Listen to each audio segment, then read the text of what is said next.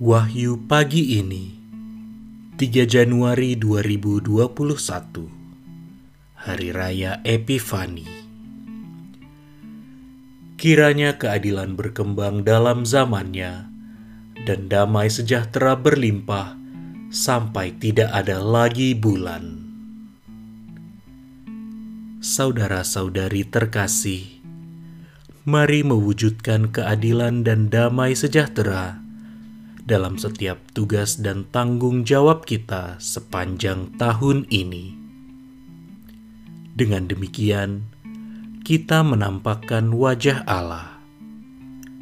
Selamat pagi, Tuhan memberkati.